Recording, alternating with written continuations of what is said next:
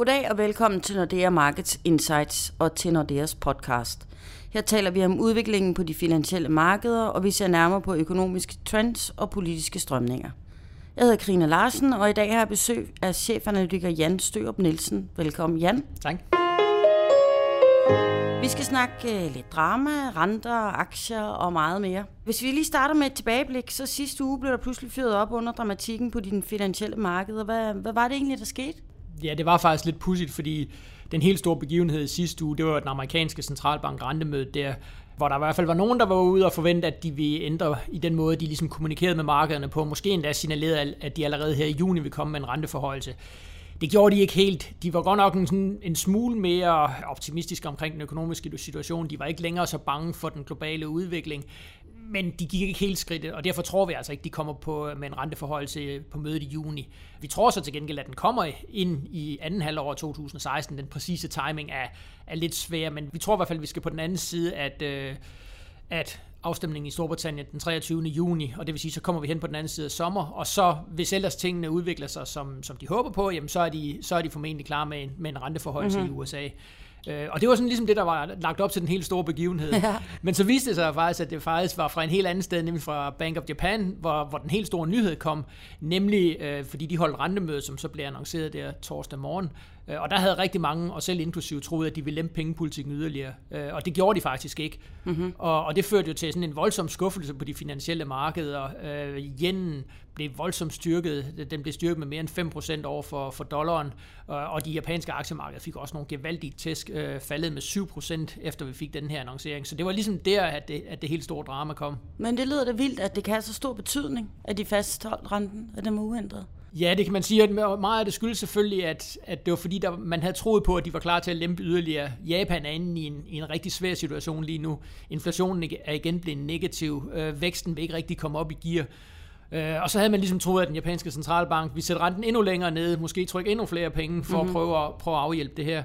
Og der var deres kommunikation altså ligesom, jamen, de vil gerne lige se tiden an. Øh, det er ikke så længe siden, de introducerede det her med negative renter. De vil gerne lige se, hvordan økonomien reagerede på det.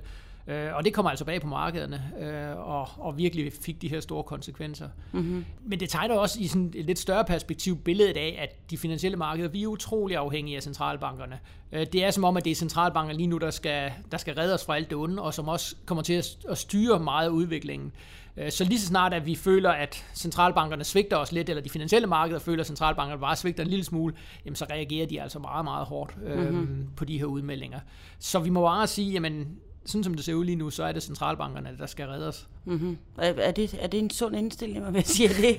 Er det? Nej, det kan man jo sige i hvert fald på lidt længere sigt, at det er jo ikke sundt, at vi ligesom lever af nogle centralbanker, der, der trykker flere og flere penge Nej. og sætter renten endnu længere ned.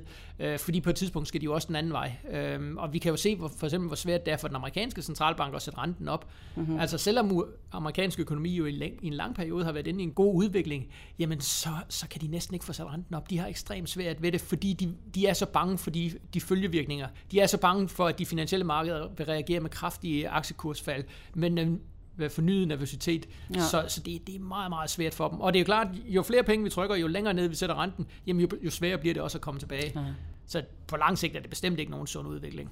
Og hvordan, hvis jeg sådan kigger på den generelle markedsstemning, hvordan ser det så ud så nu? Altså det her, det var jo sidste uge. Ja, men den, det, det, det er jo ligesom om, at det, det ligesom ført til en vending i markedsstemningen, og vi har efterfølgende set, at, at de finansielle markeder, aktiemarkederne, har været sådan lidt sure i det.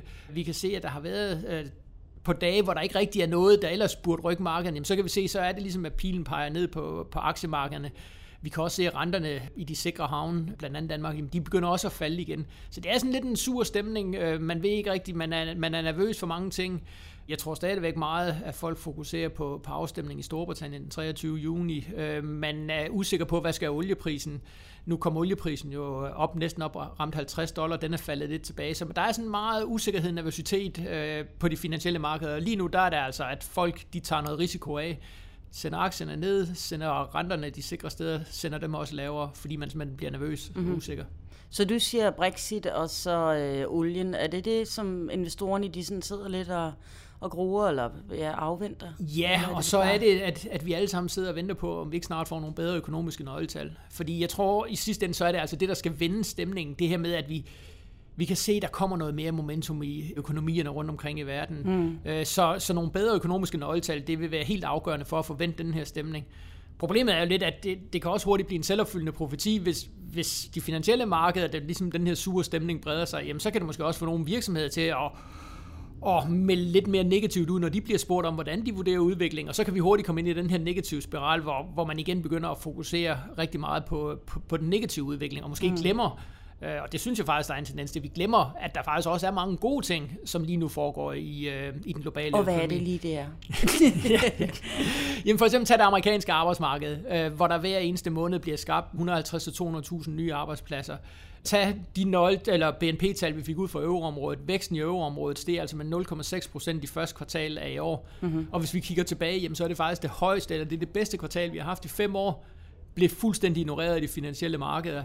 Øh, så det er lidt som om, at jamen, man fokuserer på de negative nyheder og glemmer måske, at der, der faktisk nogle steder er noget, noget fornuftig økonomisk vækst, øh, blandt andet i euroområdet, som der, der desværre ikke er ret meget fokus på lige nu. Ja, så, du, så det du siger, det er bedre økonomiske nøgletal, det kan ligesom ændre lidt, fordi jeg tænker også virksomheden, altså nu vi har sådan en, en regnskabssæson, altså det ser da okay ud, der er der ikke...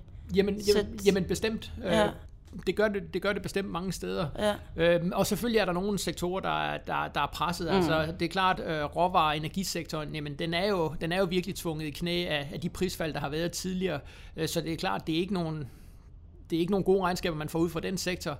Øh, men omvendt er der jo de forbrugsrelaterede sektorer, for eksempel, jamen de, de, klart, de mærker jo, at der er, der er efterspørgsel andre steder i økonomien. Mm-hmm. Det er bare ikke det, der er fokus på lige nu. Nej. Så man kan sige, at måske investorerne de er lidt for nervøse eller hysteriske måske endda, eller hvad? Men i hvert fald sige, at man, man, man er meget usikker, og man tør ikke rigtig, øh, man tør ikke rigtig sats på, at, at der kommer noget mere gang i den globale økonomi, ja. og så vil man hellere ligesom holde lidt igen, mm-hmm. øh, ud fra en betragtning om, man, man, man er blevet skuffet så mange gange, at man tør måske ikke ligesom tro på det, at det for alvor, og det, og det er lige præcis derfor, det er så vigtigt at få de her gode økonomiske nøgletal, fordi hvis vi kommer ind i en periode, hvor, hvor de begynder at overraske positivt, jamen så vil der også være flere og flere, der ligesom siger, okay, ja. der er mere gang i det, end, mm-hmm. end vi måske lige går og tror. Så det er alt sammen til sammen. Så er det derfor, at renterne de heller ikke rigtig stiger. Det er i hvert fald en væsentlig faktor for, hvorfor ja. vi også herhjemme ser, altså vi har jo stadigvæk en 10-årig dansk statsrente, der ligger omkring en halv procent. Og jamen, det, vi har jo efterhånden vendt os til, at jamen, det, er, det er det nye niveau. Men hvis man ligesom træder et skridt tilbage og ser en halv procent for en 10-årig dansk statsrente, det er, jo, det er jo et helt vanvittigt niveau. Mm-hmm. Altså en dansk 10-årig statsrente skal jo øh, skal jo ligge på, på noget, der cirka svarer til vækst plus inflation. Og hvis vi siger, at væksten i Danmark på, på lang sigt skal være omkring en procent, hvis vi tror på, at inflationen kommer tilbage på 2%, jamen så er en naturlig rente, en naturlig 10-årig statsrente, den ligger omkring 3%. Mm-hmm. I hvert fald. Og, og set i det perspektiv er en halv procent jo fuldstændig vanvittigt niveau. Men igen, det er et udtryk for, at lige nu er der så meget fokus på, på sikkerhed, at man er nervøs, så man vil gerne låne den danske stat penge i 10 år til en halv procent i rente. Ja. Og det er ikke særlig sundt. Det er det i hvert fald ikke. Det er selvfølgelig rart for, for den danske stat, når vi skal sælge. Vi har jo stadigvæk underskud på de offentlige budgetter, så når vi skal mm. finansiere det, så er det selvfølgelig rart. Det er også rart for boligejerne, at vi kan låne så billige penge til at finansiere vores bolig. Men hvad er problemet så? Altså, hvor er det, hvem er det, hvor er det, det bliver farligt eller ikke særlig? Jamen, det bliver i hvert fald farligt, ligesom at komme ned på nogle niveauer, som ikke er, ikke er naturlige på lang sigt, fordi så kommer der jo altså en, en lang periode, hvor vi kommer til at få den modsatte effekt. Øh, og jeg kunne sagtens forestille mig, at vi kommer ind i en periode, hvor renterne begynder at trække højere, og måske endda samtidig med, at aktiemarkederne begynder at falde. Vi skal mm-hmm. jo mhm. huske på, at i en lang periode har vi jo virkelig været forventet med, med den udvikling, der har været på de finansielle markeder. Vi har set aktiemarkederne stige og stige og stige, renterne falde og falde og falde. Og man kan sige, der har vi jo ligesom fået det bedste fra begge verdener. Mm. Og der må vi bare sige, jamen det er ikke, det er ikke naturligt. Øh, og derfor risikerer vi altså også at komme ind i en periode, hvor, hvor det vender rundt, hvor vi måske både oplever stigende renter, og også ser aktiemarkederne i hvert fald ikke kommer til at stige yderligere. Og det er bare det, mener man skal huske på, det her med, at vi har været utrolig forventet i en periode ja. på de finansielle markeder, og det kan vi ikke, det kan vi ikke regne med kommer til mm-hmm. at fortsætte. Mm-hmm. Så hvad, hvad, før i tiden, så sagde man sådan noget med, det, med, med konjunktur, høj og lav konjunktur, 7-8 år eller et eller andet. Det er fuldstændig vendt på hovedet. Det kan man slet ikke... Nej, altså vi, kan, vi må i hvert fald sige, at, øh, at fra finanskrisen ramte helt tilbage i 2008, øh, i hvert fald hvis vi kigger på det her hjemme, jamen, så har vi været igennem en utrolig lang periode, hvor vi ikke rigtig har fået den vækst, som, som vi troede, mm. eller som, som man ligesom vil sige tilbage i historien, jamen det var, der skulle vi tilbage til. Øh, og vi ser det faktisk også i den globale økonomi, at, at de vækstrater, vi har i den globale økonomi, jamen de er altså lavere end det, vi havde inden, inden den finansielle krise. Og der er det her begreb uh, cirkulær stagnation, uh, som jo vinder mere og mere indpas, det her med, jamen, der sker nogle ting i den globale økonomi. Virksomheden investerer ikke så meget, som mm. de gjorde tidligere, og det gør altså, at vi kommer ikke til at vokse på samme niveau, som, øh, som vi havde tidligere. Vi skal simpelthen vende os til, at væksten i den globale økonomi bliver lavere, og det kan vi, det kan vi også se herhjemme. Mm-hmm. Altså herhjemme på lang sigt skal vi jo glade, være glade, hvis vi kan have 1% vækst, mm-hmm. øh, hvor vi tidligere sagde, der skulle vi i hvert fald have halvanden og gerne op mod 2%, nu skal vi være glade for 1%. Og det har markederne eller investorerne ikke rigtig opfattet eller endnu? Eller går jo, de men eller måske er det netop det, de fokuserer på, at de okay. kan se det her med, at, at vi får ikke den samme vækst. Øh, ja. Og, og der er jo også mange, der siger, at vi får heller ikke den samme inflation, som vi tidligere har haft. Mm-hmm. Øhm, altså i gamle dage, gamle dage, det var jo før øh, finanskrisen, jamen der sagde man, at der skulle man prøve ligesom at holde inflationen under 2%. Der var det ligesom bestræbelserne, at man skulle prøve at presse den ned under 2%. I dag vil vi være lykkelige, hvis vi kunne få inflation over 2%. Mm-hmm. Altså mhm. det har vi jo i hvert fald ikke i nogen af de, sådan de udviklede økonomier. Vi har jo ikke inflation på 2%. Så i dag vil man være lykkelig, hvis man mm. bare kunne få inflation på 2%. Øh, igen markant anderledes end, øh, end tidligere. Men det er nok ikke noget, vi kan forvente lige her på den korte bane. Nej, Nå. Det, det, ja, og så måske alligevel en smule, fordi olieprisen er steget lidt, så vi, jeg tror faktisk, vi kommer til at få lidt højere inflationstal. Okay. Så det kan være den sure stemning, vi ser lige nu, den vender sådan, når vi kommer ned mod sommermånederne, og folk bliver lidt Ja, jeg øh, tror faktisk, der er en god mulighed for, at vi, vi får lidt bedre økonomiske nøgletal. Vi vil i hvert fald også få højere inflationstal, hvis ellers olieprisen holder sig her. Og det mm. kan måske være noget af det, som ligesom vil, vil give lidt mere optimisme på markederne. Ja. Hvad ser du ellers sådan lige her de næste par uger? Hvad vil du holde øje med? Jamen altså, allerede på fredag, der får vi jo amerikansk øh, beskæftigelsesrapport, øh, som jo bliver meget, meget interessant, fordi det er ligesom på det amerikanske arbejdsmarked, man siger, at det er der, man skal finde optimismen lige nu, øh, det her med, at der bliver skabt så mange nye arbejdspladser. Så den bliver ekstremt vigtig, øh, og kan også meget vel være et, et vigtigt signal for, hvad den amerikanske centralbank kommer til at gøre, om det bliver en forholdsvis, eller om de relativt snart kommer til at sætte renten op, eller de, om de udskyder det noget længere tid. Så den er i hvert fald meget vigtig at, at holde øje med.